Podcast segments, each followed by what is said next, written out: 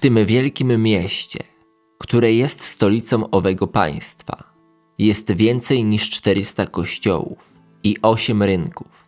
Mieszkańców zaś liczba nie dająca się wyrazić. Jak w całym tym kraju, mieszkańcy owi składają się z dużej liczby niewolników, którzy zewsząd tu zbiegli, oraz w szczególności z obrotnych Duńczyków, pieczyngom, którzy ich ciągle nękali. Stawiali oni dotąd skuteczny opór i innych także gromili nieprzyjaciół.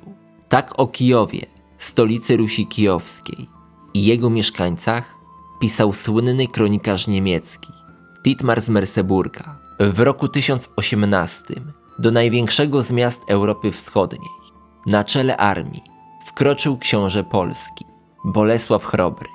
Witam wszystkich w kolejnym filmie z serii Historia Polski w odcinkach. W rzeczonej serii, w kolejnych epizodach opowiadam Wam chronologicznie o dziejach naszego państwa. Jest to już 20. jubileuszowy odcinek i jeden z ostatnich o Bolesławie Chrobry. W poprzednich materiałach przedstawiłem Wam losy tego władcy od czasów jego dzieciństwa. Także polecam serdecznie obejrzeć te odcinki tak, jak ogląda się dobry, historyczny serial. Dzisiaj zajmę się wydarzeniem, które jest uznawane za jeden z największych sukcesów Bolesława Chrobrego, jeśli nie największy. Chodzi oczywiście o wyprawę kijowską z 1018 roku, skierowaną przeciwko Rusi Kijowskiej, która zakończyła się zdobyciem Kijowa, wielkiej stolicy Słowian Wschodnich, a według niektórych także podbiciem Rusi jako państwa oraz zajęciem grodów czerwieńskich, które pozostawały ruskie od 981 roku. Spróbuję także odpowiedzieć na wiele pytań w tym temacie, a tych nie brakuje. Jak dokładnie wyglądała kampania kijowska, stoczone bitwy i zdobycie miasta? Czy Piast czuł się władcą całej Rusi kijowskiej? Czy jednak nie? Czy uderzył słynnym szczerbcem w sławną Złotą Bramę tak, jak pisał Gal Anonim, czy nie? Czy począł wybijać w kijowskich mennicach swoje własne monety? I w końcu, w jakim celu Bolesław nawiązał kontakt z cesarzem bizantyjskim, Bazylim II Bułgarobójcą i z jakiego powodu mu groził? To tylko niektóre z pytań, na które postaram się Wam odpowiedzieć w tym materiale.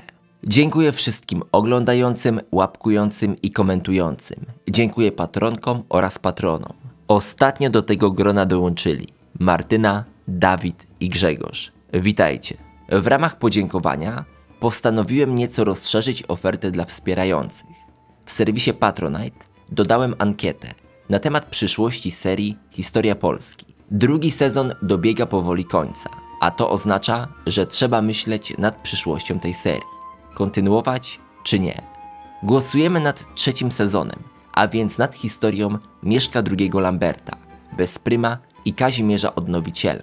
Jeżeli zrealizowałbym sezon trzeci, nie zabrakłoby w nim także wątku Bolesława Zapomnianego. Głosujemy do końca stycznia, a kto ma ochotę dołączyć do zabawy, link do mojego profilu znajduje się w opisie. Wspierający mogą od teraz realnie wpłynąć na kierunek moich prac i tematów, które będę poruszał. Zanim zaczniemy, ważna uwaga. Na animacjach Rusi Kijowskiej widzicie najważniejsze grody, które prawdopodobnie wtedy istniały. Nie zaznaczyłem miast typu Moskwa, która oficjalnie, po raz pierwszy, została wspomniana w XII wieku, choć osadnictwo na terenach Moskwy poświadczono na wieki wcześniej. A co do zasięgu Rusi, uwzględniłem typowy zasięg władztwa książąt kijowskich datowany na 1018 rok.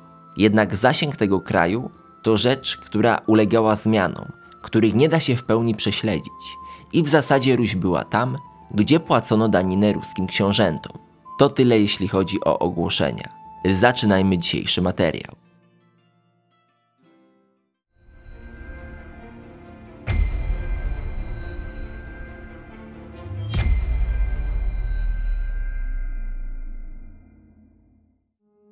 Kampania kijowska z 1018 roku była drugim uderzeniem Bolesława Chrobrego na Ruś Kijowską.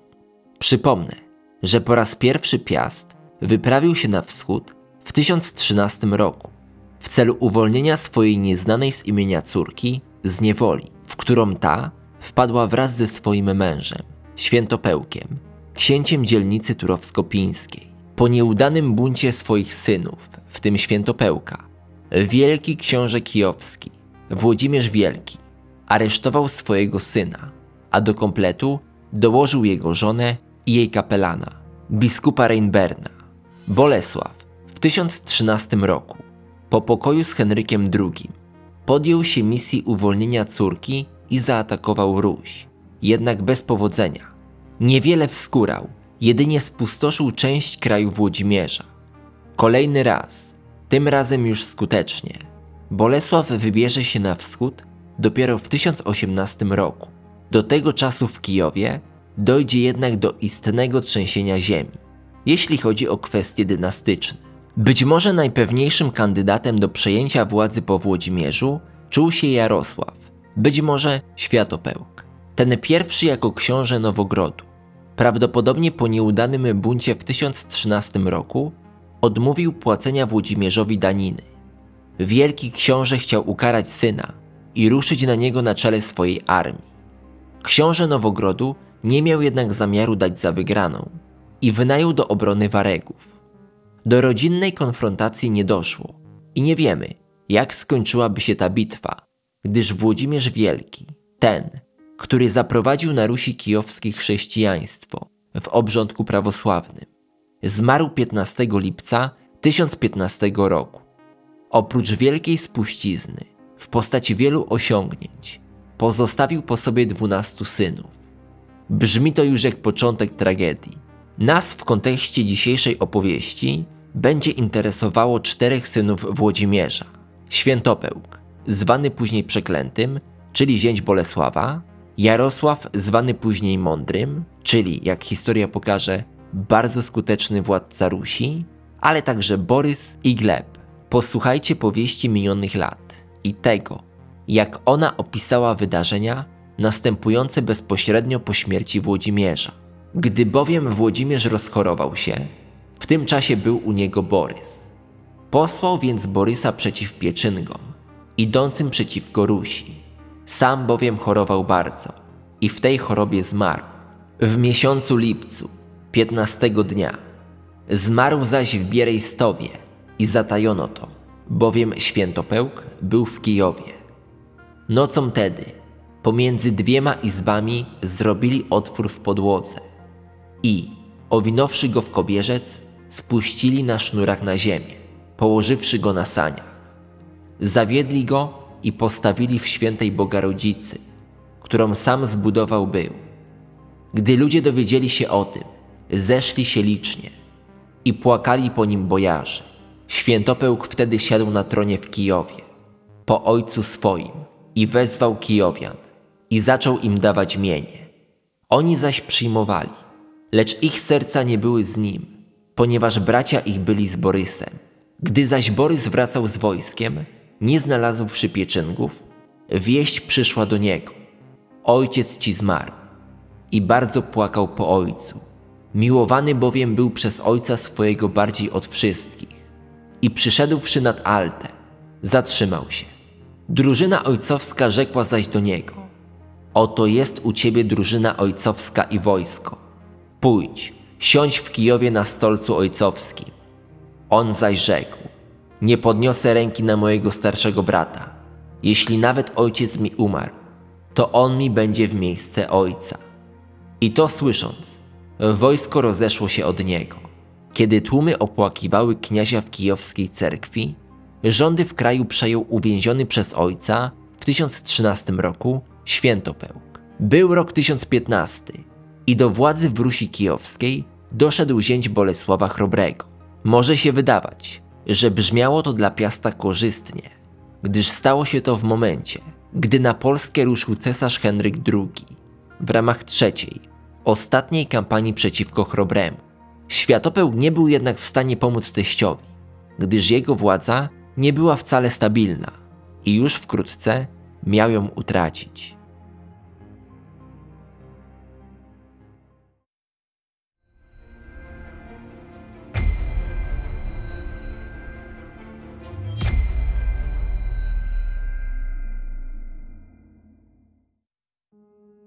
Z zacytowanego przed chwilą fragmentu wynika, że Włodzimierz to w Borysie widział swojego następcę.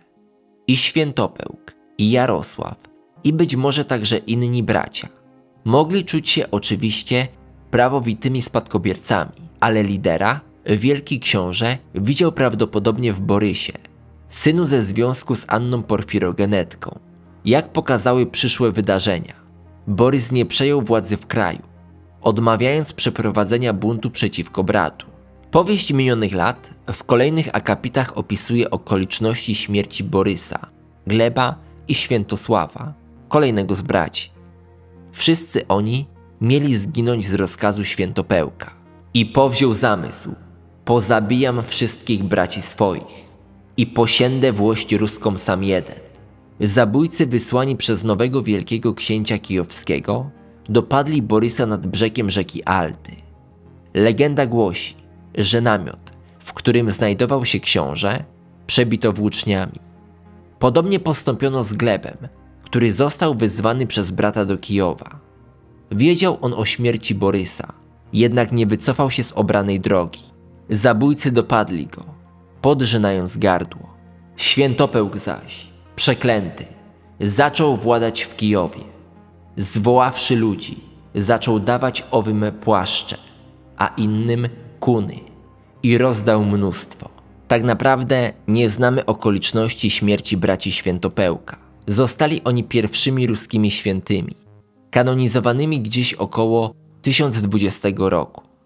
Cerkiew z całą pewnością stworzyła narrację braci jako pozytywnych i świętobliwych książąt, czyniąc ze świętopełka postać okrutną. Księcia, żeby jeszcze podkręcić ten wydźwięk, nazwano także przeklętym. Nie można wykluczyć, że w rzeczywistości między braćmi doszło do krwawych walk i że bracia uznani później za świętych wcale tacy święci nie byli.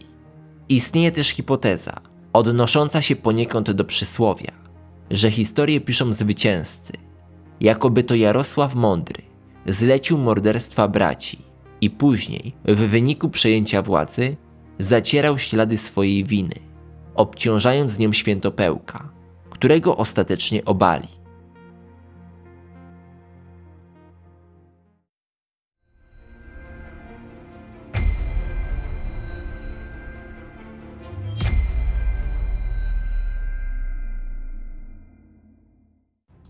Tradycyjna narracja mówi, że gdy Jarosław dowiedział się o śmierci braci, postanowił na czele nowogrodzkiej oraz waryskiej armii, uzupełnionej być może o jakiś oddział pieczyngów, ruszyć na swojego brata i przejąć władzę w Kijowie.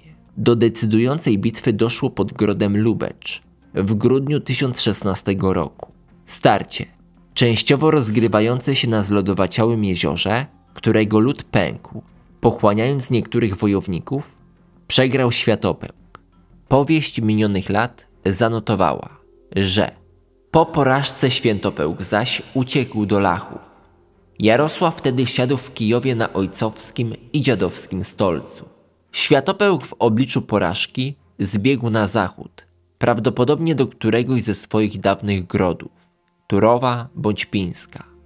Jarosław postępował jednak za swoim bratem, zajmując siłą jeden z grodów jego księstwa, biorąc przy tym jeńców. Co więcej, uprowadził jako zakładniczkę żonę Świętopełka, a córkę Bolesława. Ta nieznana z imienia księżniczka ewidentnie miała pecha, gdyż została uwięziona po raz drugi w wyniku ruskich walk i buntów. Świętopełk uciekł albo do Brześcia nad Bugiem, który znajdował się na granicy Rusi i Polski, albo na dwór Bolesława. Działo się to w grudniu 1016 bądź na samym początku roku 1017. Przypomnę, że latem 1017 roku na Polskę w zmasowanej koalicji niemiecko-wielecko-czeskiej wyruszył cesarz Henryk II. Zapewne przed kampanią cesarz porozumiał się z Jarosławem, z którym zawarł pakt o wspólnym ataku na Bolesława. W ten sposób Polskę najechano z trzech stron od zachodu, południa i wschodu. Mimo chytrego planu, z powodu znacznej odległości geograficznej między frontami, Ataki władców nie były skoordynowane w czasie. Mimo to Jarosław w 1017 roku zaatakował od wschodu, jednak niewiele wskórał, gdyż Bolesławowi udało się odeprzeć jego najazd. Nie znamy ani mocy, ani szczegółów tego ataku, ale wydaje się, że Jarosław uderzył na Brześć. Bolesław natomiast miał już zapewne dość. Jego dotychczasowe zaangażowanie na wschodzie było niewielkie, ale cały czas coś tam się działo i to na jego niekorzyść. Nie dość, że Jarosław obalił świętopełka, nie dość, że pojął za zakładniczkę córkę Piasta, to jeszcze w 1017 roku zaatakował od wschodu. Co więcej, wiemy, że po śmierci wieloletniej małżonki Piasta, Emnildy, Bolesław dążył do poślubienia siostry Jarosława, Przedsławy. Jednak nowy książę odmówił mu tej przyjemności. To wszystko razem spowodowało zapewne, że Bolesław postanowił pomścić zniewagi, uwolnić córkę i przejąć w Kijowie władzę w najlepszy sposób, jaki znał siłą, bezpośrednim uderzeniem na Kijów.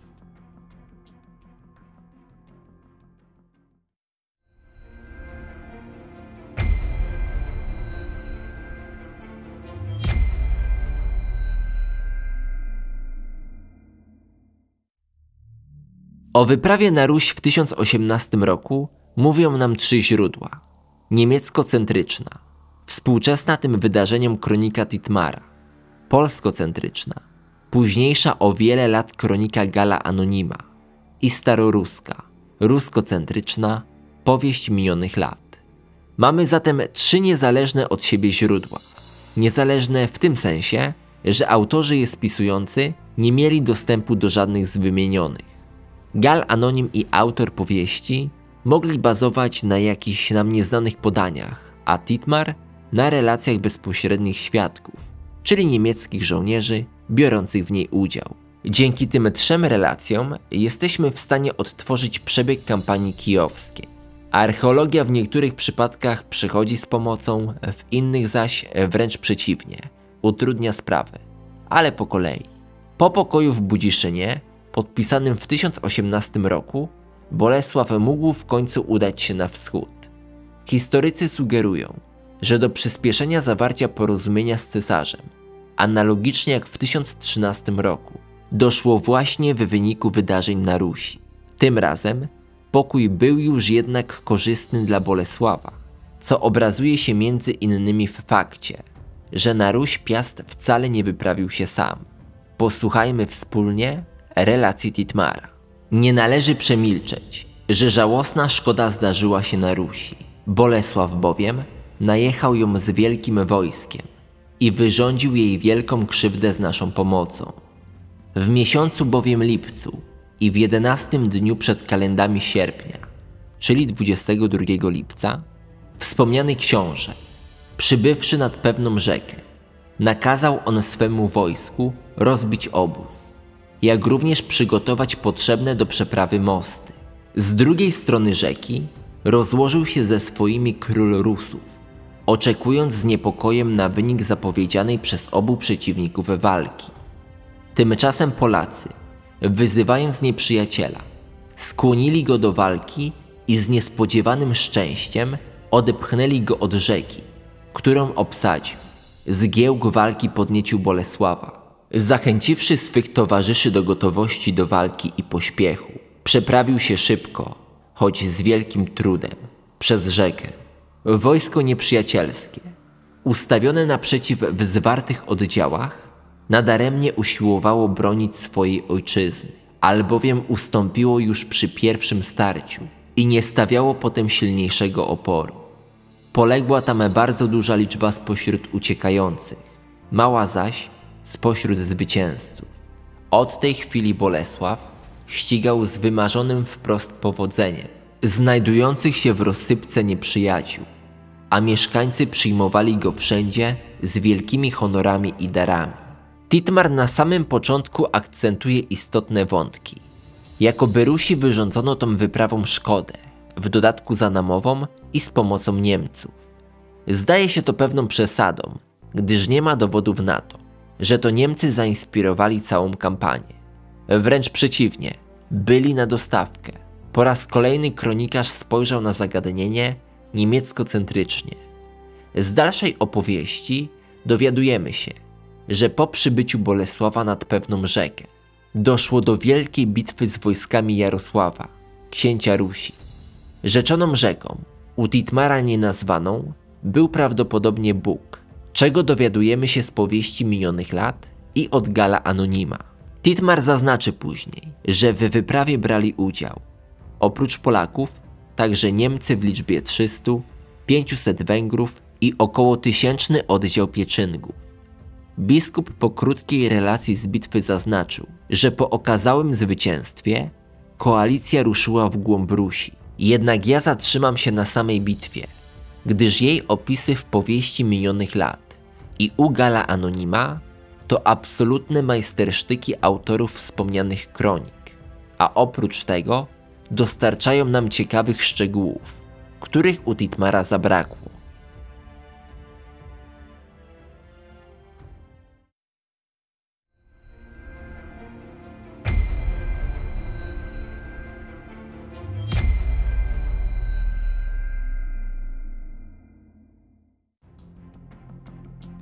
Zacznę od opisu bitwy, który dostępny jest w powieści minionych lat, roku 6526, czyli naszego 1018. Przyszedł Bolesław ze światopełkiem na Jarosława, z Lachami. Jarosław zaś, zebrawszy Ruś i Waregów i Słowien, poszedł przeciw Bolesławowi i Światopełkowi i przyszedł ku Wołyniowi i stali po obu stronach rzeki Bugu. I miał Jarosław Piastuna i wojewodę imieniem Budy i począł on leżyć Bolesława, mówiąc Oto ci przebodziem oszczepem brzuch twój tłusty. Był bowiem Bolesław wielki i ciężki, że i na koniu ledwo mógł siedzieć, lecz był roztropny. I rzekł Bolesław do drużyny swojej, jeśli was ta obelga nie obraża, to ja polegnę sam. Wsiadłszy na koń, wjechał do rzeki, a za nim wojsko jego. Jarosław zaś nie zdążył uszykować się i zwyciężył Bolesław Jarosława. Jarosław zaś zbiegł z czterema mężami do Nowogrodu. Bolesław zaś wszedł do Kijowa ze światopełkiem. Z niniejszej relacji wynika, że do bitwy doszło w wyniku sytuacji, w której jeden z wojewodów ruskich począł leżyć Bolesława, wypominając mu jego tłusty brzuch. Autor powieści podkreśla fakt, podobnie jak Titmar, że Bolesław najpierw przemówił do żołnierzy, a po zagrzaniu ich do walki ruszył przodem jak na lidera przystało, przez rzekę, zaskakując Jarosława, który nie zdążywszy się przygotować do starcia, został pokonany. Wielki książę zbiegł do Nowogrodu, a Bolesław ze Światopełkiem ruszyli na Kijów. Gal Anonim pisał o walkach na Rusi i to wielokrotnie. Jego relacja jest zapewne na poły legendarna, na poły historyczna. Kronikarz zaczął od opisu wprowadzającego w osobnym rozdziale swojej kroniki polskiej pod tytułem Jak Bolesław z wielką mocą wkroczył na Ruś. Posłuchajcie. Najpierw wtedy zapisać należy z kolei, jak słownie i wspaniale pomścił swą krzywdę na królu Rusinów, który odmówił mu oddania swej siostry za żonę. Oburzony tym Bolesław najechał z wielką siłą królestwo Rusinów, a gdy ci usiłowali zrazu stawić mu zbrojny opór, ale nie odważyli się na stoczenie bitwy, rozpędził ich przed sobą jak wicher kurzawy. Według Gala jedną z przyczyn wyprawy na Ruś była zniewaga – jakiej Bolesław doznał od Jarosława, gdy ten nie chciał mu oddać za żonę swojej siostry. To jednak przesada kronikarza, gdyż powody były raczej zgoła inne, o czym już mówiłem. Dodatkowo krótka wzmianka o rozpędzeniu Rusów nawiązuje zapewne do bitwy nad Bugiem. Troszkę mało jak na gala, prawda? Za chwilę przytoczę dokładny opis bitwy, która według Gala rozegrała się po powrocie z Kijowa gdy Bolesław wracał do Polski, a nie gdy na Kijów wszedł. Dziś historycy są jednak zgodni, że kronikarz się pomylił. opisał starcie nad Bugiem jako wydarzenie po zdobyciu Kijowa, a nie przed. Zacytuję ten barwny opis, a wy pamiętajcie, że Gal prawdopodobnie opisuje bitwę nad rzeką Bóg w drodze na Kijów, a nie z. Gdy zaś z ogromną radością i pieniędzmi powracał i już zbliżał się do granic Polski, zbiegły król, zebrawszy siły książąt ruskich, z płowcami i pieczęgami, podążał za nim z tyłu i usiłował, pewny zwycięstwa, stoczyć walkę nad rzeką Bugiem. Sądził bowiem, że Polacy, jak zwykle ludzie chlubiący się tak wielkim zwycięstwem i zdobyczą, zmierzają już każdy do swego domu, jak to zwycięzcy zbliżający się do granic własnego kraju, po tak długim pobycie z dala od ojczyzny, bez dzieci i żon. I nie bez racji tak przypuszczał, bo już duża część wojska polskiego, bez wiedzy króla, rozeszła się. Atoli król Bolesław, widząc, że jego rycerzy jest niewielu, a wrogów jakby prawie sto razy tyle, przemówił do swego rycerstwa, nie jak ktoś bojaźliwy i trwożliwy, lecz jak wódz odważny a przezorny. Nie ma potrzeby długo zachęcać prawych i doświadczonych rycerzy i opóźniać w ten sposób triumf, jaki się nam nadarza, lecz pora okazać siły ciała i męstwo ducha, bo na cóż by się zdało zdobyć tak wielkie królestwa i nagromadzić tyle ogromnych cudzych bogactw, gdybyśmy przypadkiem teraz pobici mieli stracić to wszystko wraz z naszym własnym mieniem. Lecz pokładam ufność w miłosierdziu Bożym i we waszej wypróbowanej dzielności, że jeżeli mężnie stawicie opór we walce, jeżeli, jak to zwykliście, dzielnie na trzecie, jeżeli przywiedziecie sobie na pamięć własne przechwałki i obietnice czynione przy podziale łupów u mnie na ucztach, to dziś zwycięsko położycie kres ciągłym trudom, a ponadto pozyskacie wieczną sławę, triumf i zwycięstwo. Jeśli natomiast, w co nie wierzę, ponieślibyście klęskę, to jak teraz jesteście panami, tak będziecie sługami Rusinów, wy i synowie wasi, a ponadto sromotnie przyjdzie wam ponieść karę za wyrządzone krzywdy. Skoro tak to mniej więcej przemówił król Bolesław, wszyscy jego rycerze jednomyślnie wznieśli włócznie i odpowiedzieli, że wolą z triumfem wrócić do domu, niż z łupami a haniebnie.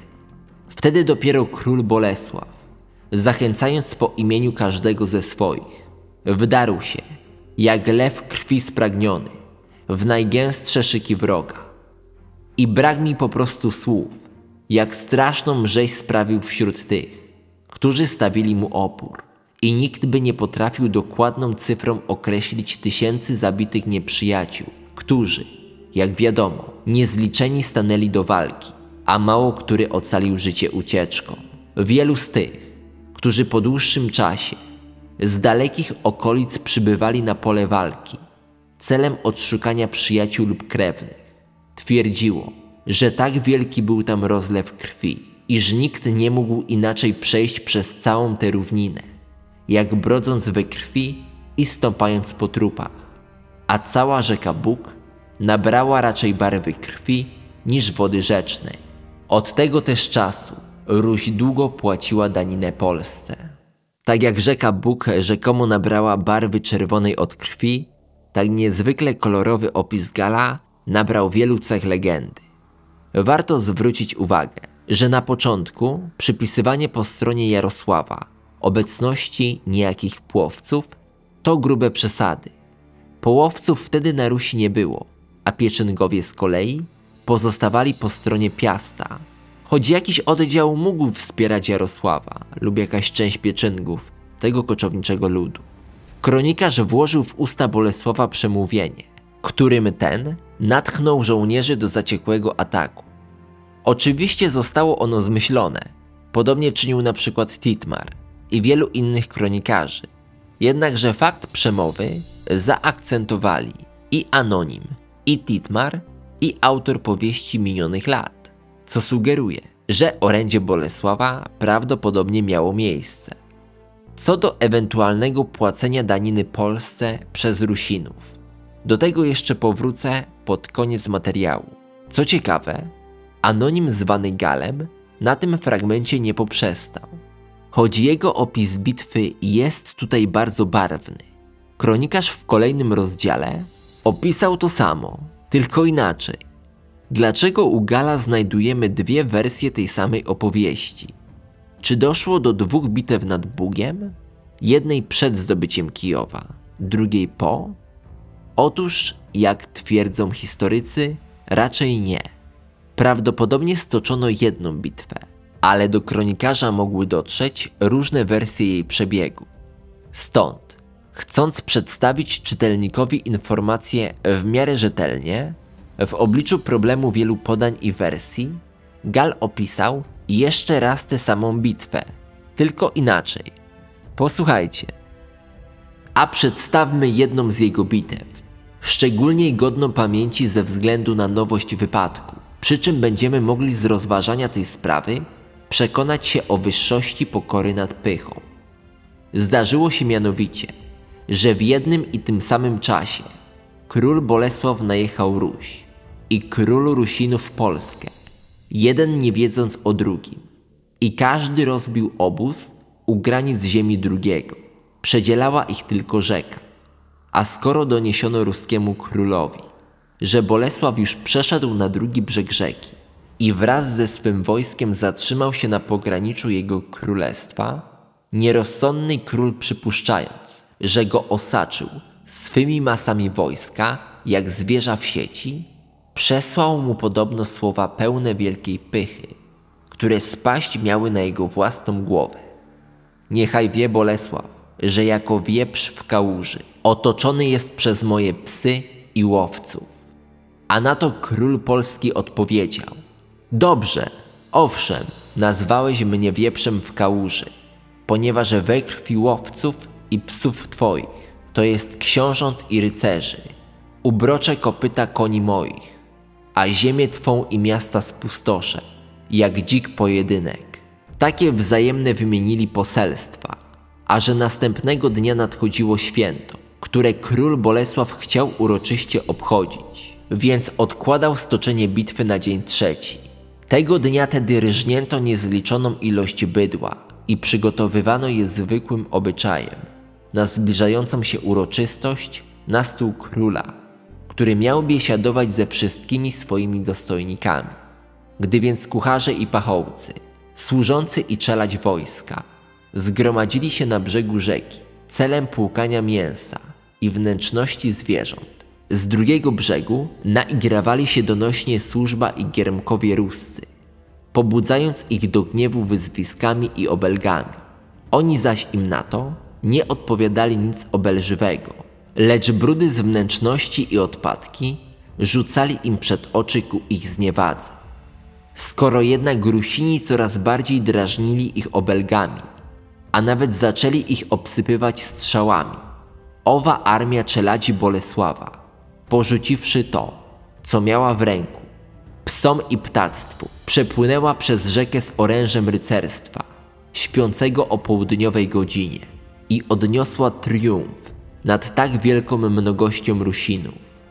Na to król Bolesław i całe wojsko, przebudzeni krzykiem oraz szczękiem oręża, zaczęli się dopytywać, co się dzieje, a poznawszy przyczynę, obawiali się, że to podstęp.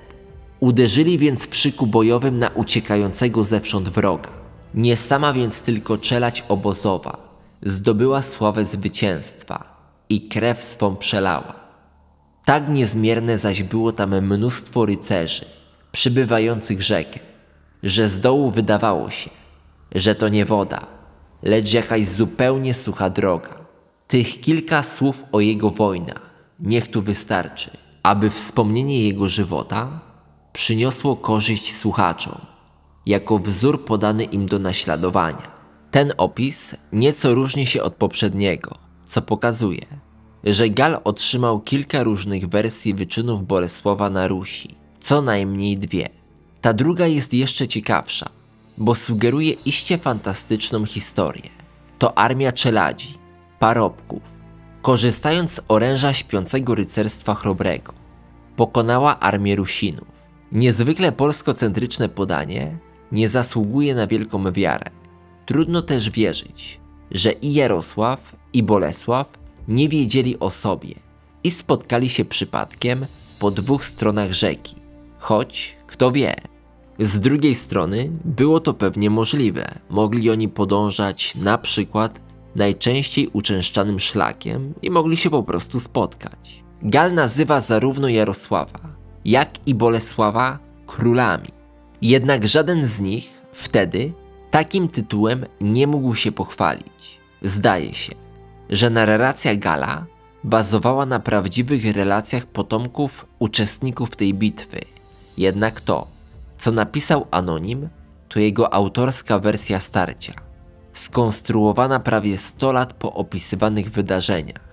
Przebija z nich zapewne nieco prawdy historycznej, ale okraszonej legendarną otoczką.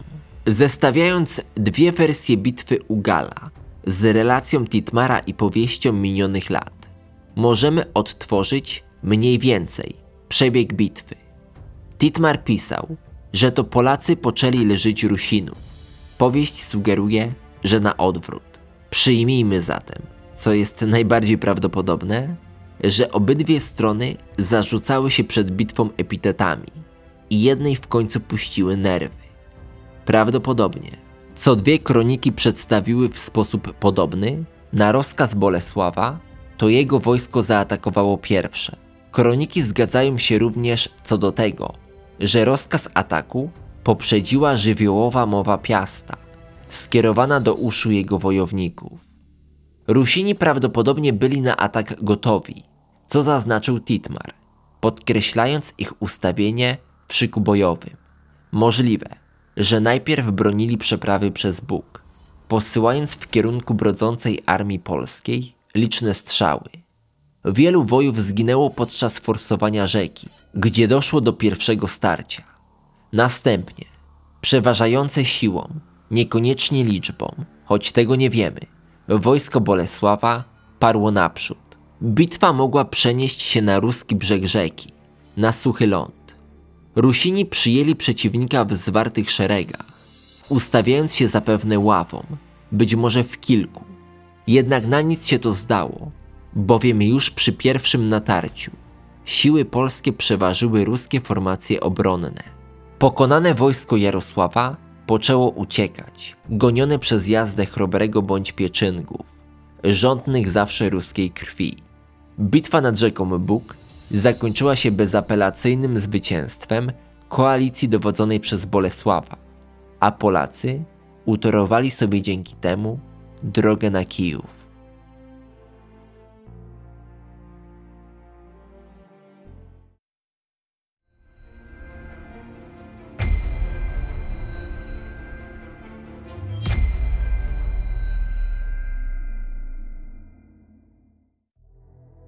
O okolicznościach zdobycia Kijowa mówią nam trzy źródła.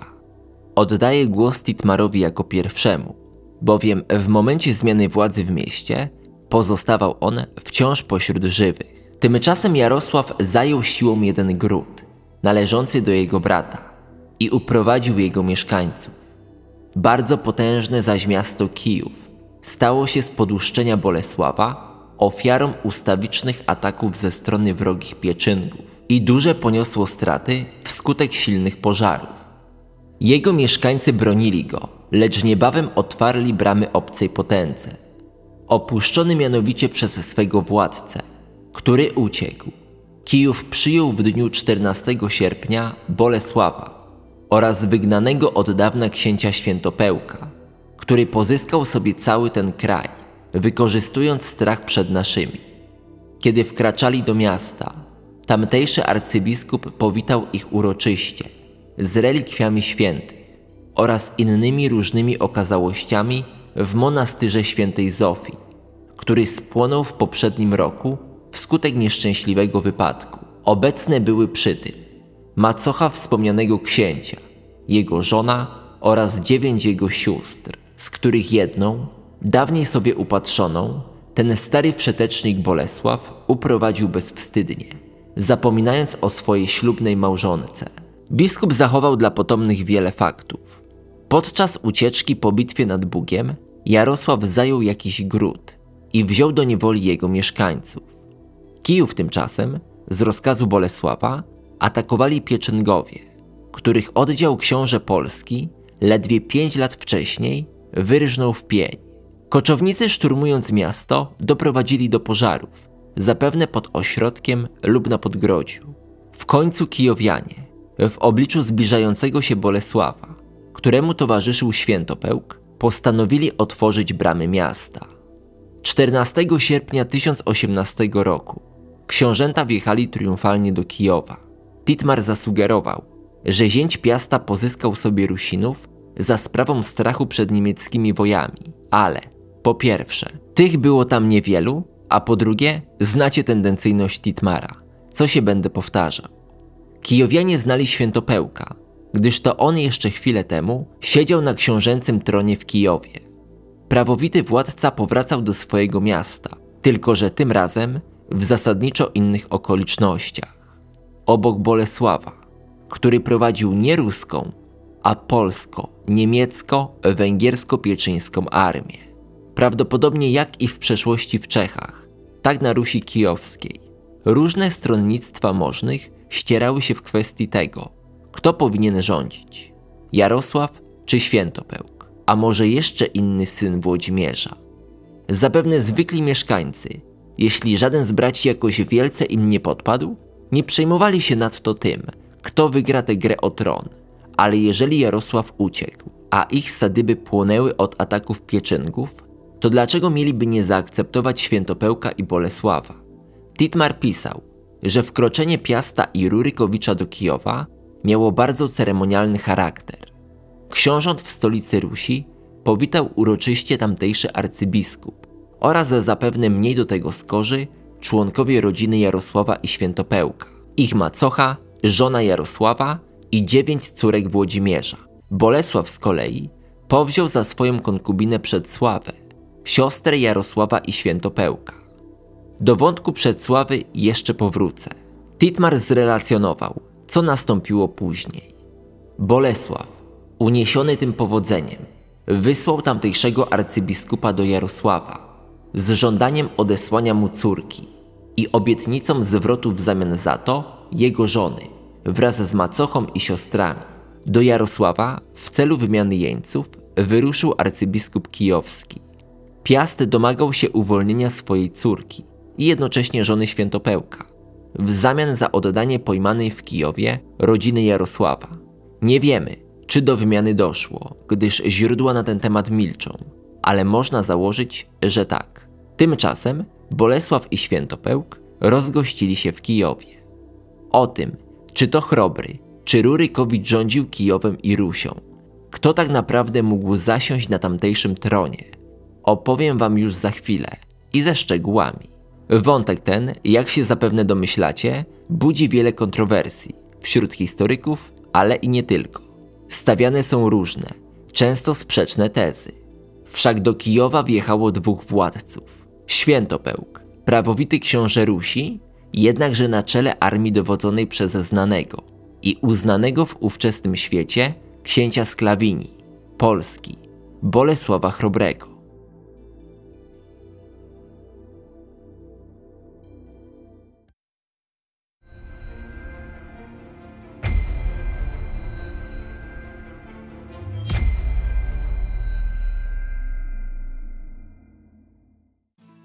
Posłuchajcie tymczasem, jak pobyt Piasta w Kijowie opisała powieść minionych lat. Jarosław zaś zbiegł z czterema mężami do Nowogrodu.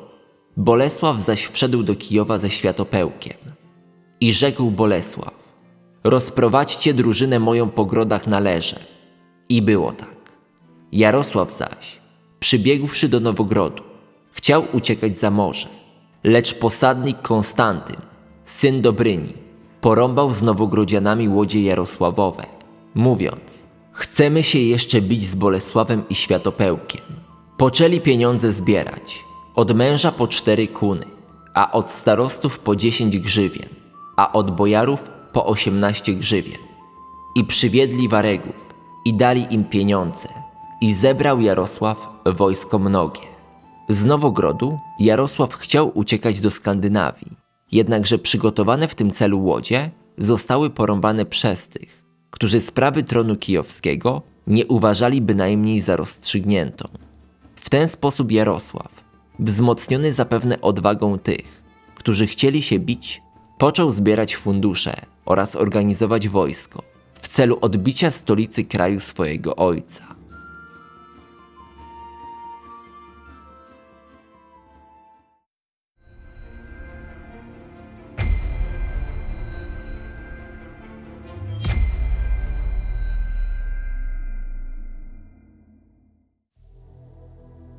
Kronika Titmara i powieść minionych lat to oczywiście nie jedyne źródła w temacie. Jako ostatnią zacytuję kronikę polską Gala Anonima i jej wersję tego, jak Bolesław wkroczył do Kijowa. Większość zna legendę o Szczerbcu i Złotej Bramie, ale całość opowieści brzmi naprawdę zacnie. Posłuchajcie relacji z wydarzeń bezpośrednio po bitwie nad Bugiem. Nie opóźniał jednak swego pochodu natychmiastowym zajmowaniem miast i gromadzeniem łupów, jak to zwykle czynią najeźdźcy, lecz pospieszył na Kijów, stolicę królestwa, aby pochwycić jego ośrodek i króla samego. A król Rusinów, z prostotą właściwą temu ludowi, właśnie wówczas łowił z czółna ryby na wędkę, gdy mu niespodziewanie doniesiono o nadejściu króla Bolesława. Zrazu nie mógł w to uwierzyć, lecz nareszcie gdy mu to jedni za drugimi donosili. Przekonał się i wpadł w przerażenie. Wtedy dopiero włożył do ust palec duży i wskazujący i obyczajem rybaków, pomazując śliną wędkę, na hańbę swego narodu, miał powiedzieć te pamiętne słowa. Ponieważ Bolesław tej sztuki nie uprawiał, lecz przywykł do noszenia rycerskiego oręża, dlatego Bóg postanowił wydać w jego ręce to miasto – królestwo Rusinów i bogactwa. To rzekł i nie tracąc słów więcej, rzucił się do ucieczki, a Bolesław bez oporu wkroczył do wielkiego i bogatego miasta i dobywszy z pochewy miecza, uderzył nim w złotą bramę. Gdy zaś ludzie jego się dziwili, czemu to czyni, wyjaśnił im to ze śmiechem, a wcale dowcipnie. Tak jak w tej godzinie złota brama miasta ugodzoną została tym mieczem, tak następnej nocy ulegnie siostra najtchórzliwszego z królów, której mi dać nie chciał, jednakże nie połączy się z Bolesławem w łożu małżeńskim, lecz tylko raz jeden, jak nałożnica, aby pomszczona została w ten sposób zniewaga naszego rodu, Rusinom zaś ku obeldze i hańbie. Tak powiedział i co rzekł, to spełnił. Obecność w Kijowie Jarosława, łowiącego jakoby tam ryby z czółna, to oczywiście przypowieść. Po porażce nad rzeką Bóg książę znajdował się bowiem w Nowogrodzie. Złotą bramę wzniesiono natomiast w 1037 roku, a więc syn Mieszka I nie mógł na niej wyszczerbić swojego szczerbca. Pytaniem pozostaje także, czy Chrobry w ogóle takim orężem dysponował.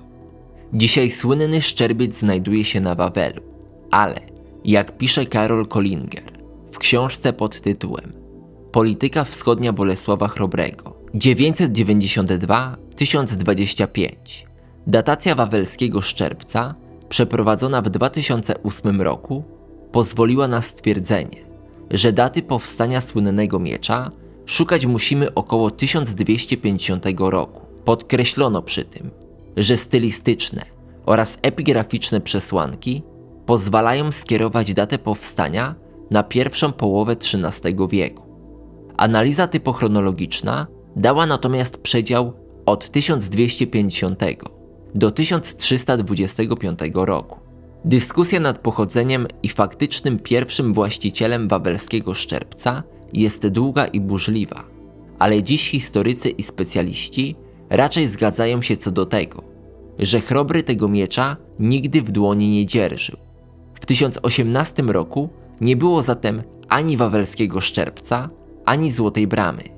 Mimo to podanie Gala nie jest w żadnym razie bezużyteczne. Anonim zwany Galem, piszący około 1115 roku, mógł mieć na myśli inny miecz, również szczerbiec, ten Bolesławowy, którego jednak nie ma dziś na Wawelu i nie wiadomo, czy istnieje i gdzie ewentualnie się znajduje. Jednakże brak właściwego szczerbca z czasów Bolesława i fakt nieistnienia w 1018 roku Złotej Bramy nie wyklucza tego, co opisał Gal. Sam akt uderzenia w bramę miasta, niekoniecznie złotą, mógł być po prostu formą wyrażenia triumfu, czy też objęcia mocą posiadania stolicy Rusi Kijowskiej. Gal Anonim ten sam czyn przypisał Bolesławowi Śmiałemu. Niewątpliwie uderzenie mieczem w bramę może mieć również w narracji Gala konotację z wzięciem do łoża księżniczki Rusi, niejakiej przedsławy.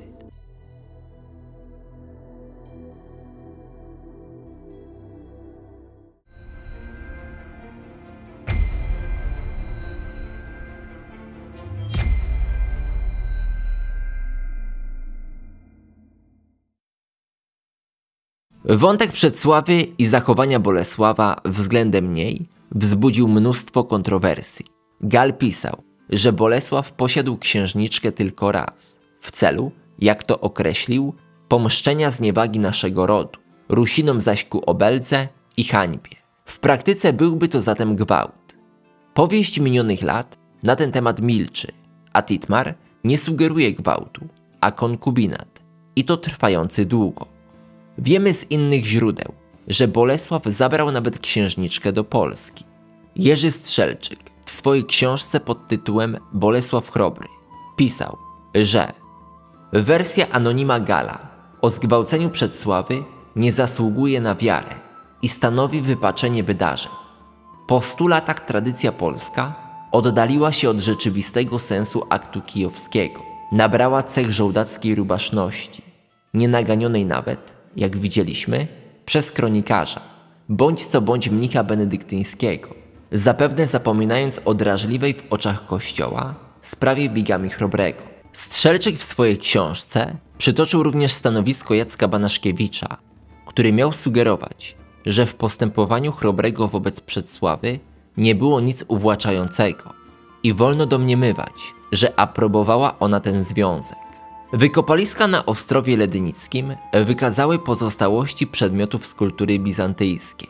Czy Przedsława to właśnie tam mieszkała po przybyciu do Polski?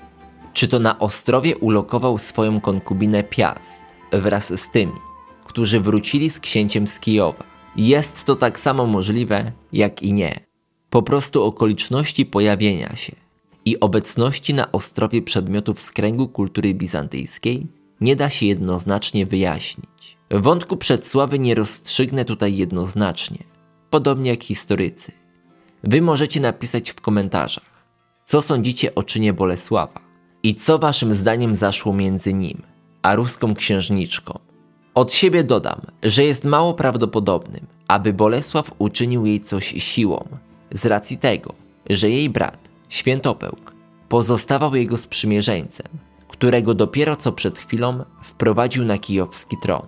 Niemniej, kto wie,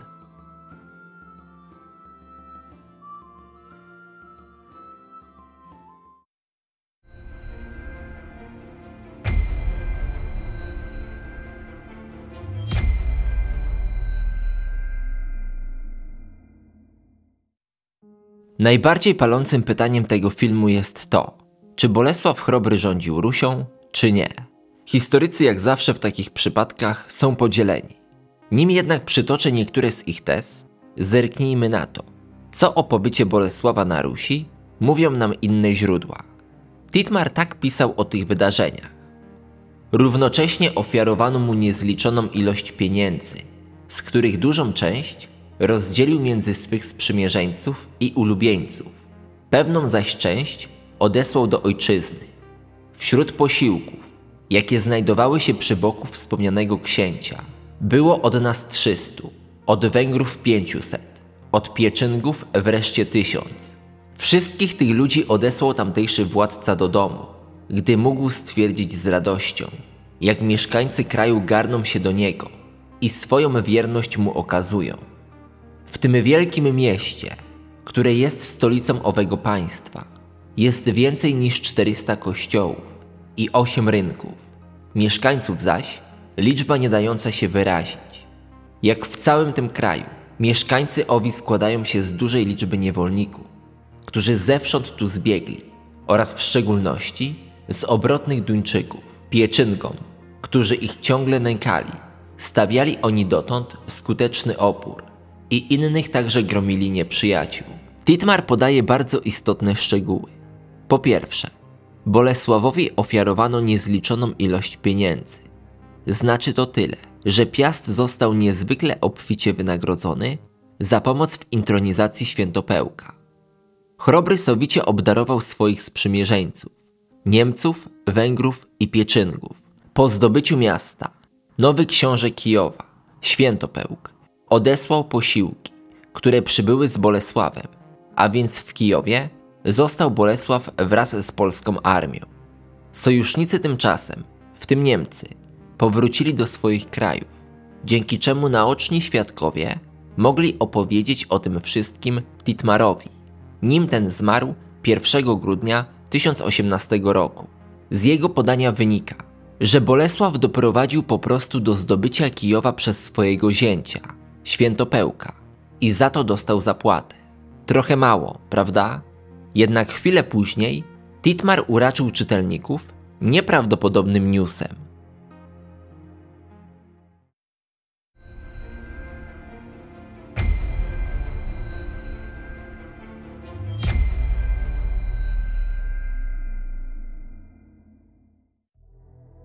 Następnie wyprawił z bogatymi darami swego ukochanego opata Tuni do naszego cesarza, aby zaskarbić sobie nadal jego łaskę i pomoc oraz okazać gotowość wypełnienia wszystkich jego życzeń w przyszłości.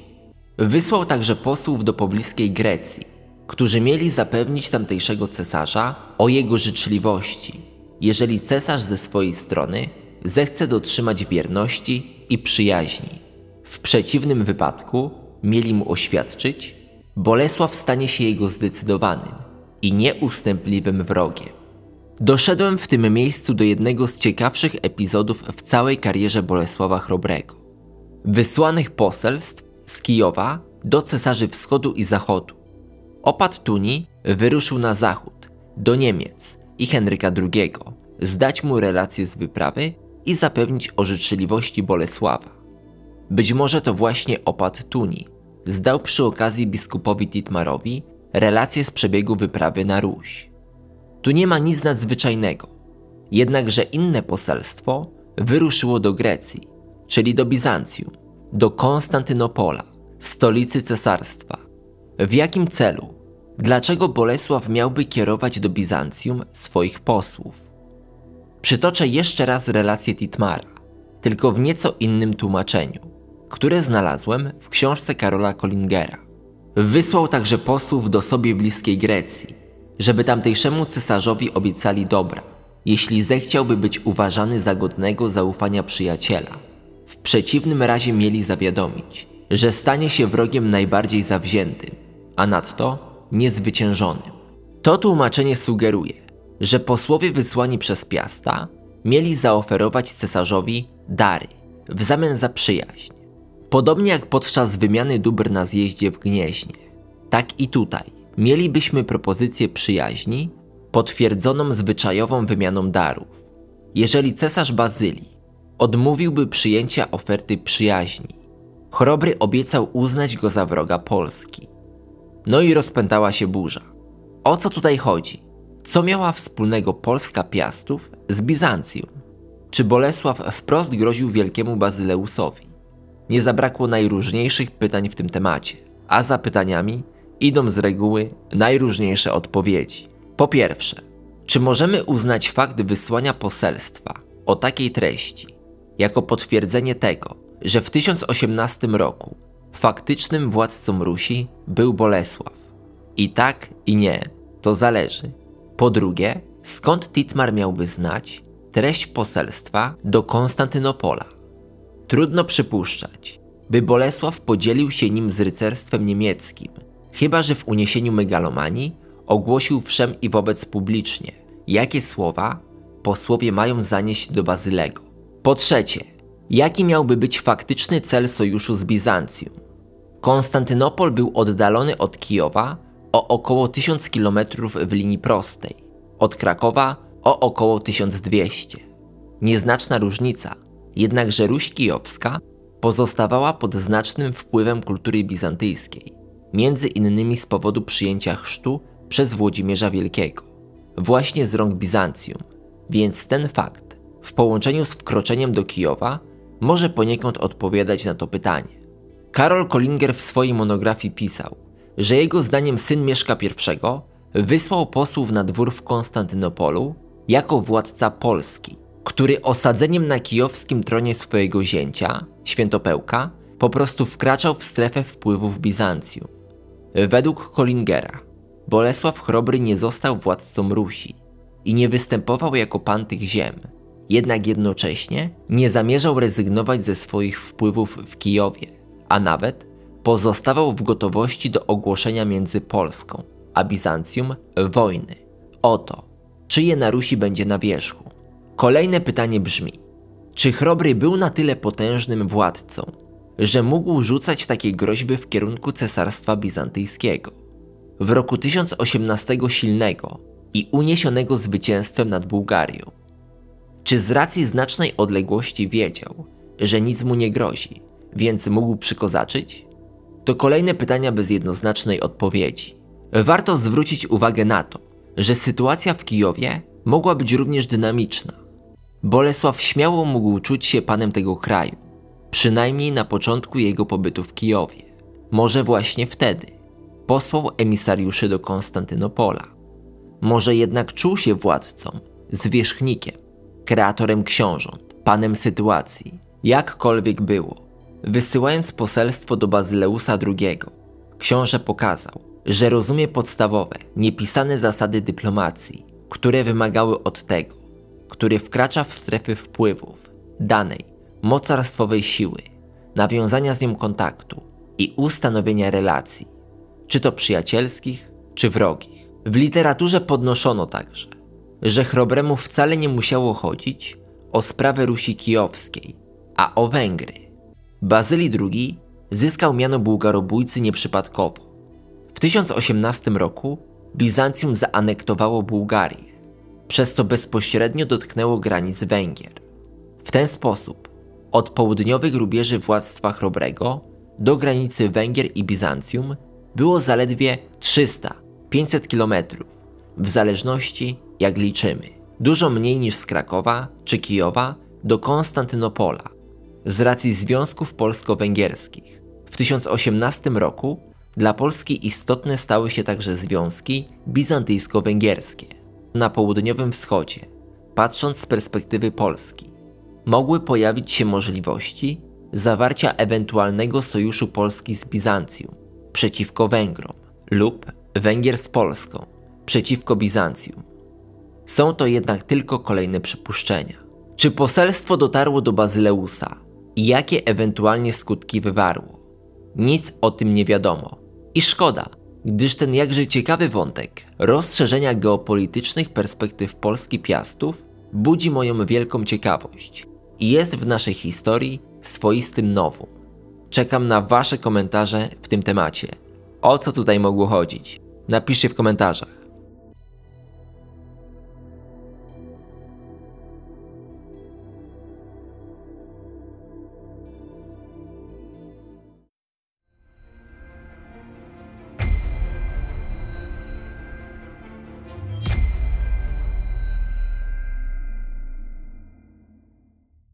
Powrócę teraz do wątku panowania Chrobrego w Kijowie. Gal Anonim tak opisał pobyt Bolesława w stolicy Rusi.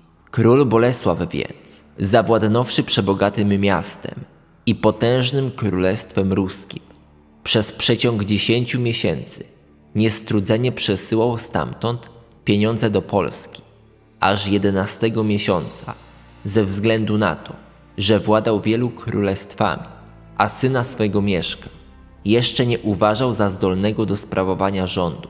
Ustanowił tam panem w swoim zastępstwie pewnego Rusina ze swego rodu i powracał z resztą skarbów do Polski. Co do kwestii daniny i rzekomo dziesięciomiesięcznego pobytu Bolesława w Kijowie, nie wiadomo, czy Ruś Świętopełka faktycznie takową uiszczała. O wywożeniu skarbów słyszymy i u Titmara, jednak szczegółów trwania tego procederu nie znamy, choć miał on miejsce. Według Gala Bolesław miał powrócić do kraju 11 miesiąca, jakoby z powodu faktu, że Mieszko, jego syn, 28-letni wówczas książę, miał nie nadawać się jeszcze do rządzenia. Trudno dać temu wiarę, gdyż Mieszko pozostawał aktywny w polityce międzynarodowej ojca i ten wielokrotnie powierzał mu bardzo trudne zadania. Co więcej, prawdopodobnie w 1013 roku Mieszko II dostał od ojca swoją własną dzielnicę, dzielnicę krakowską, z Krakowem jako miastem stołecznym. Czy zatem Gal nieco ubarwił kwestię odwrotu chrobrego z Kijowa? Czy prawdziwej przyczyny wyjazdu z Rusi powinniśmy szukać gdzie indziej? Powieść minionych lat zanotowała. Gdy zaś Bolesław siedział w Kijowie, przeklęty światopełk rzekł: Ile tylko lachów jest po grodach, zabijajcie ich. I pobili lachów. Bolesław zaś uciekł z Kijowa, zabrawszy skarby i bojarów Jarosławowych i siostry jego, a Anastazego z dziesięcinnej cerkwi przystawił do skarbów, bowiem ten pochlebstwem pozyskał jego zaufanie. Powieść minionych lat sugeruje, że Bolesław został z Kijowa wygnany przez świętopełka, który rozkazał mordować Polaków, którzy rozsiedli się po ruskich grodach. Książę Polski, pozbawiony sojuszników odesłanych już wcześniej, miał zbiec z Rusi, biorąc ze sobą jeńców i zagarniając kolejne skarby. Taki obrót wydarzeń sugeruje, że Bolesława i Polaków z Kijowa po prostu wygnano. Dzisiaj nie wiemy, czy to prawda. Titmar pisał jedynie, że Bolesław powrócił do kraju wesoło, ale biskup raczej wyprzedził tym stwierdzeniem fakty, gdyż zmarł w grudniu 1018 roku i raczej nie wiedział wiele o powrocie Piasta do Polski. Jakby naprzeciw tezy przedstawionej w powieści, czyli że Polaków wygnano, wychodzi fakt, że podczas odwrotu Bolesław zagarnął skarby i wielką ilość jeńców. Z drugiej strony, czy nie mógł tego zrobić w czasie odwrotu? Nie wiemy. Czy i co zaszło między nim a Światopełkiem? Nie wiadomo, ile Bolesław pozostawał w Kijowie. Faktem jest, że doszło do odwrotu z Rusi, planowanego bądź nie.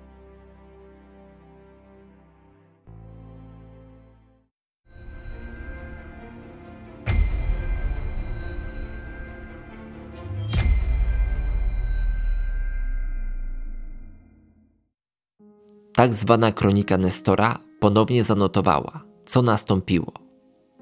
I ludzi mnóstwo uprowadził ze sobą, i grody czerwieńskie zajął dla siebie, i przyszedł do swego kraju. Światopełk zaś począł władać w Kijowie, i poszedł Jarosław na Światopełka, i zbiegł Światopełk do Pieczynków. Podczas powrotu z Kijowa do Polski Bolesław zagarnął wiele skarbów, uprowadził mnóstwo ludzi w niewolę oraz na samym końcu miał zagarnąć grody czerwieńskie. Na mapie widzicie, jakie mniej więcej terytorium mógł do swojego państwa przyłączyć Chrobry. Grody czerwieńskie to kontrowersyjna sprawa. Nie wiemy o jakie dokładnie ośrodki chodzi. Czerwień, Wołyń, może też Bełz, Przemyśl i zapewne wiele mniejszych. Wydaje się także, że do Polski przynależał w tym czasie Brześć nad Bugiem. Przyłączenie grodów czerwieńskich przynajmniej w świetle znanych źródeł, zakończyło kijowską przygodę Chrobrego. Bolesław wracał do Polski pod koniec 1018 lub na początku 1019 roku. Wraz z nim przybyła Przedsława, część ruskich bojarów oraz duchownych. Nie wiemy, czy była wśród nich córka Bolesława, żona świętopełka. W orszaku znajdował się natomiast słynny na Rusi Anastazy Korsunianin, jeden z ważniejszych dostojników tamtejszego kościoła. Czy jeśli tak, to dlaczego świętopełk wygnał teścia, który obsadził go na tronie? Być może poczuł się pewnie, być może bolała go ciągła obecność piasta, któremu wszystko zawdzięczał. Może ktoś go podpuścił. Odsyłając najpierw sojuszników teścia, Niemców, Pieczyngów i Węgrów, mógł celowo osłabić jego siłę. A może wcale Bolesława nie wygnano? Może zgodnie z umową Po zapłacie i pobycie na Rusi, Chrobry powrócił do kraju tak, jak planował. Raczej coś się tam wydarzyło, coś, czego niestety nie zanotowały źródła.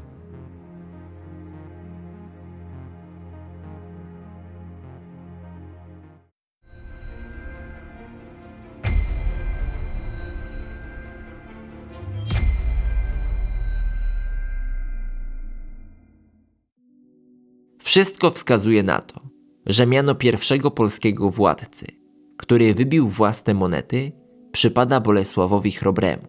Zaskakującym jest jednak, że oprócz stricte polskich emisji, w portfolio menniczym Piasta są również monety cyryliczne z ruskim napisem i bizantyjskim motywem stempla. Zidentyfikowano 10-12 takich monet. Prawie wszystkie odkryto na terenie Polski, najwięcej w centralnej Polsce i jeden denar na wyspie Bornholm. Żadnego zaś egzemplarza nie odnaleziono na granicy polsko-ruskiej oraz nie zidentyfikowano takich monet w Rusi, czy też potem w Rosji. O co tutaj chodzi? W jakim celu Bolesław rozkazał wykuć cyryliczne denary i kiedy? Dlaczego jego imię zapisano cyrylicą? I dlaczego nie umieszczono na nich żadnego tytułu władcy? Tak jak w przypadku poselstwa do Bazyleusa. I tutaj nie zabrakło dziesiątek najróżniejszych teorii. Wskazywano, że wykucie monet cyrylicznych to najlepszy dowód na to, że Chrobry czuł się władcą Kijowa oraz Rusi, że czuł się suzerenem. Podnosili to nawet historycy rosyjscy. Wszak książę poczuł kuć tam swoją monetę. To zawsze kojarzy się z pewnym prestiżem, pewną pozycją, najczęściej najwyższą, książęcą czy też królewską. Inni kontrowali, że do emisji wcale nie musiało dojść tam. Skoro wszystkie pieniądze zlokalizowano w Polsce, to książę pewnie wykuje w Polsce. Nie, wykuje na Rusi, ale przywiózł do Polski. I tak dalej, i tak dalej. Kolejne tezy sugerowały, że Bolesław wyemitował je dla grupy możnych, która podążyła za księciem do Polski. Emisja ta miała być wykonana specjalnie dla nich. Domniemywano, że emisję łączyć należy z postacią Anastazego Korsunianina, wysokiego rangą duchownego, który ruszył z Piastem do Polski.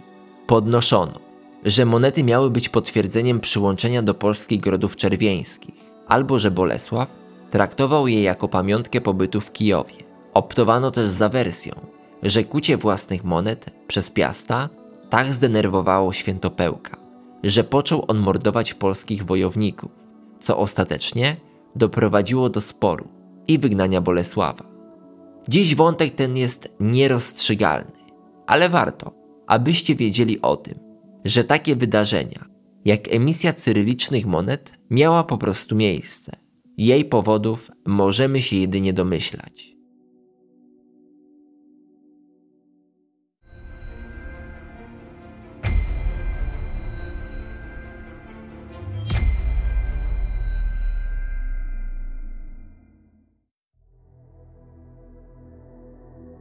Dobra, w tym miejscu warto w końcu spróbować odpowiedzieć na pytanie, czy Chrobry władał Rusią Kijowską? Historycy polemizują między sobą, a ja podsumuję to krótko.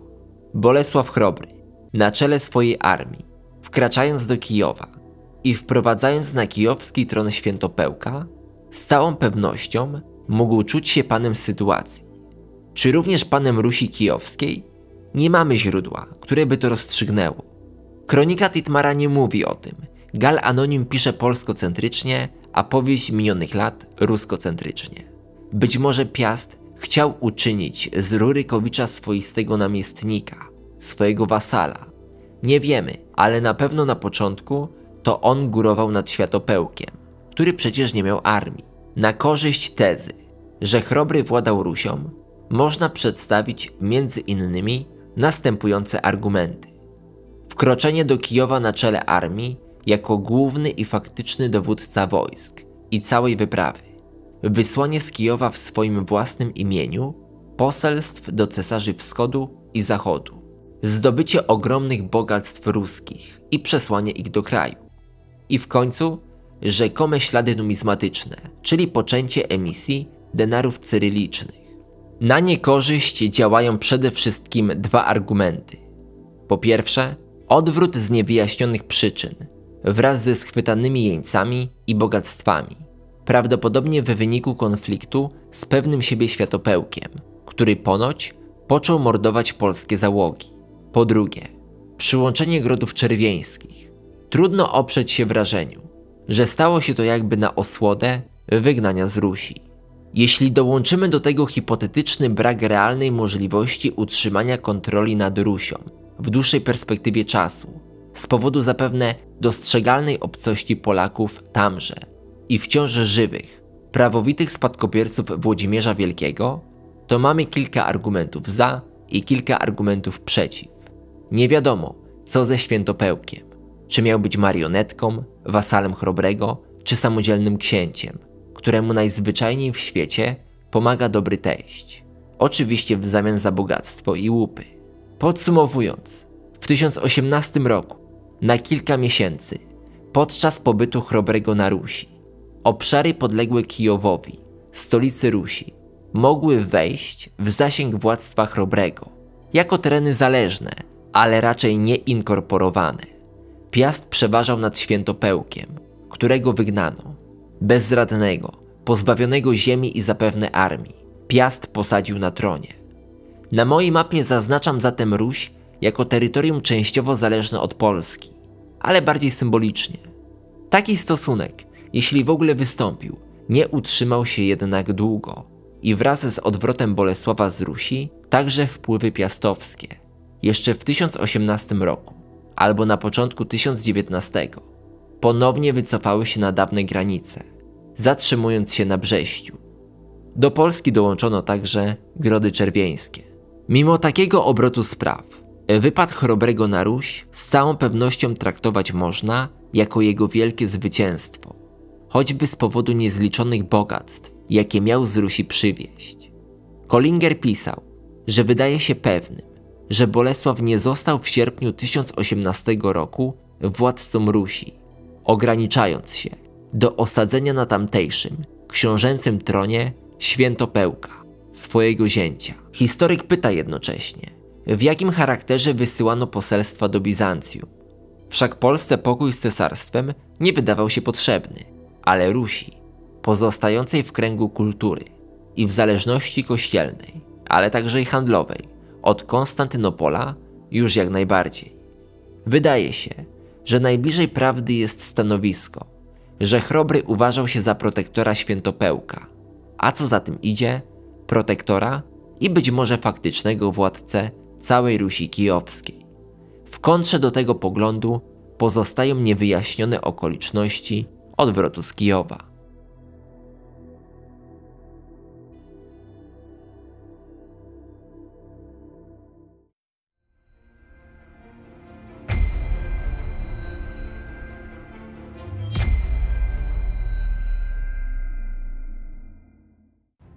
Bolesław powrócił do kraju, przyłączył grody czerwieńskie, osadził w nieznanym miejscu ruskich bojarów i nową konkubinę. Tymczasem w Kijowie możni i lud nie wspierali już świętopełka. Jego władza słabła, a w 1019 roku, czyli dosłownie chwilę po odejściu Chrobrego, księcia obalono. Przegrał on decydującą bitwę pod Altą z powracającym z Nowogrodu Jarosławem. Autor powieści minionych lat pisał pod wieczór zaś zwyciężył Jarosław, a światopełk zbiegł. I gdy uciekał, napadł nań bies i osłabły kości jego. Nie mógł siedzieć na koniu i niesiono go na noszach. Uciekający z nim przynieśli go do Brześcia.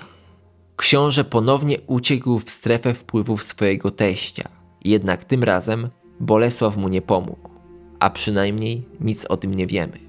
Świętopełk cały czas bał się Jarosława. Uciekał aż, jak pisze autor, przybiegłszy w pustynię między Lachami i Czechami. Zakończył marnie żywot swój w tym miejscu. Nie wiemy kiedy. Być może kilka lat rezydował w Brześciu nad Bugiem. W 1022 roku pod bramy tego grodu podejdzie Jarosław Mądry. Nie wiadomo jednak w jakim celu i z jakim skutkiem.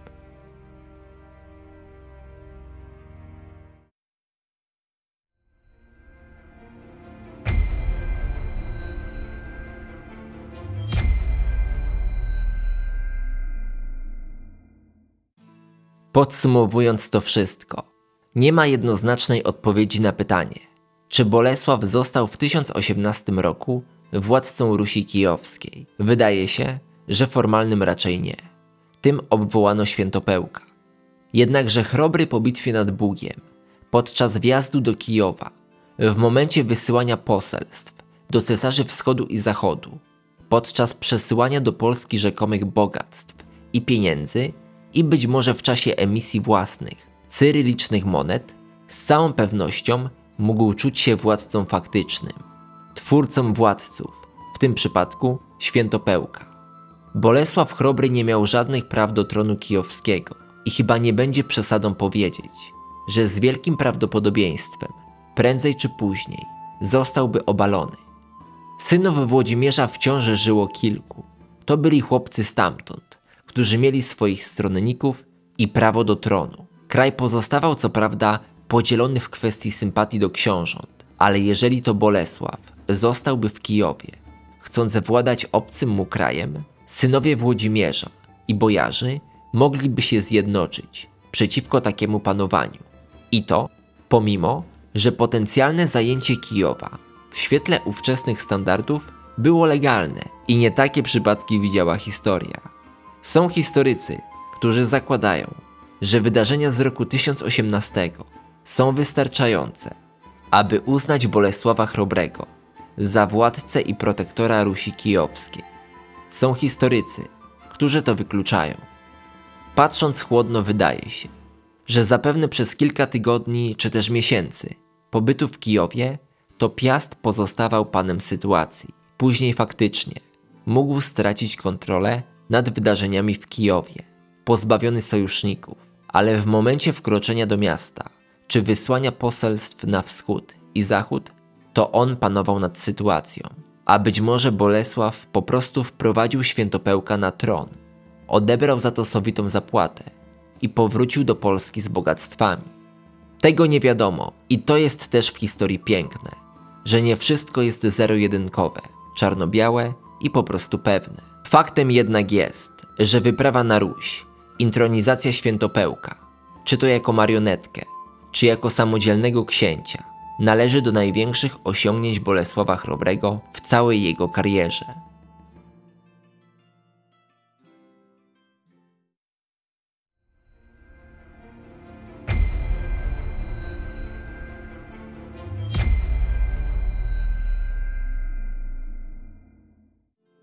Temat wyprawy na Ruś Kijowską przerósł moje oczekiwania.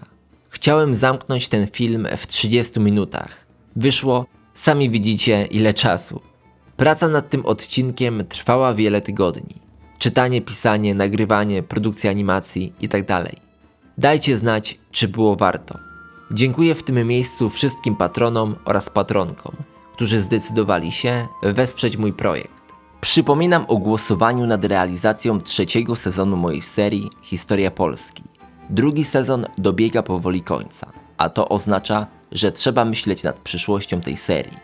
Patroni i patronki mogą realnie wpłynąć na kierunek moich prac i tematów, które będę poruszał. Link do ankiety znajduje się w opisie. Głosujemy do końca stycznia. W tym materiale to wszystko. Dziękuję za uwagę wszystkim oglądającym, łapkującym, komentującym i subskrybującym. Do usłyszenia niebawem.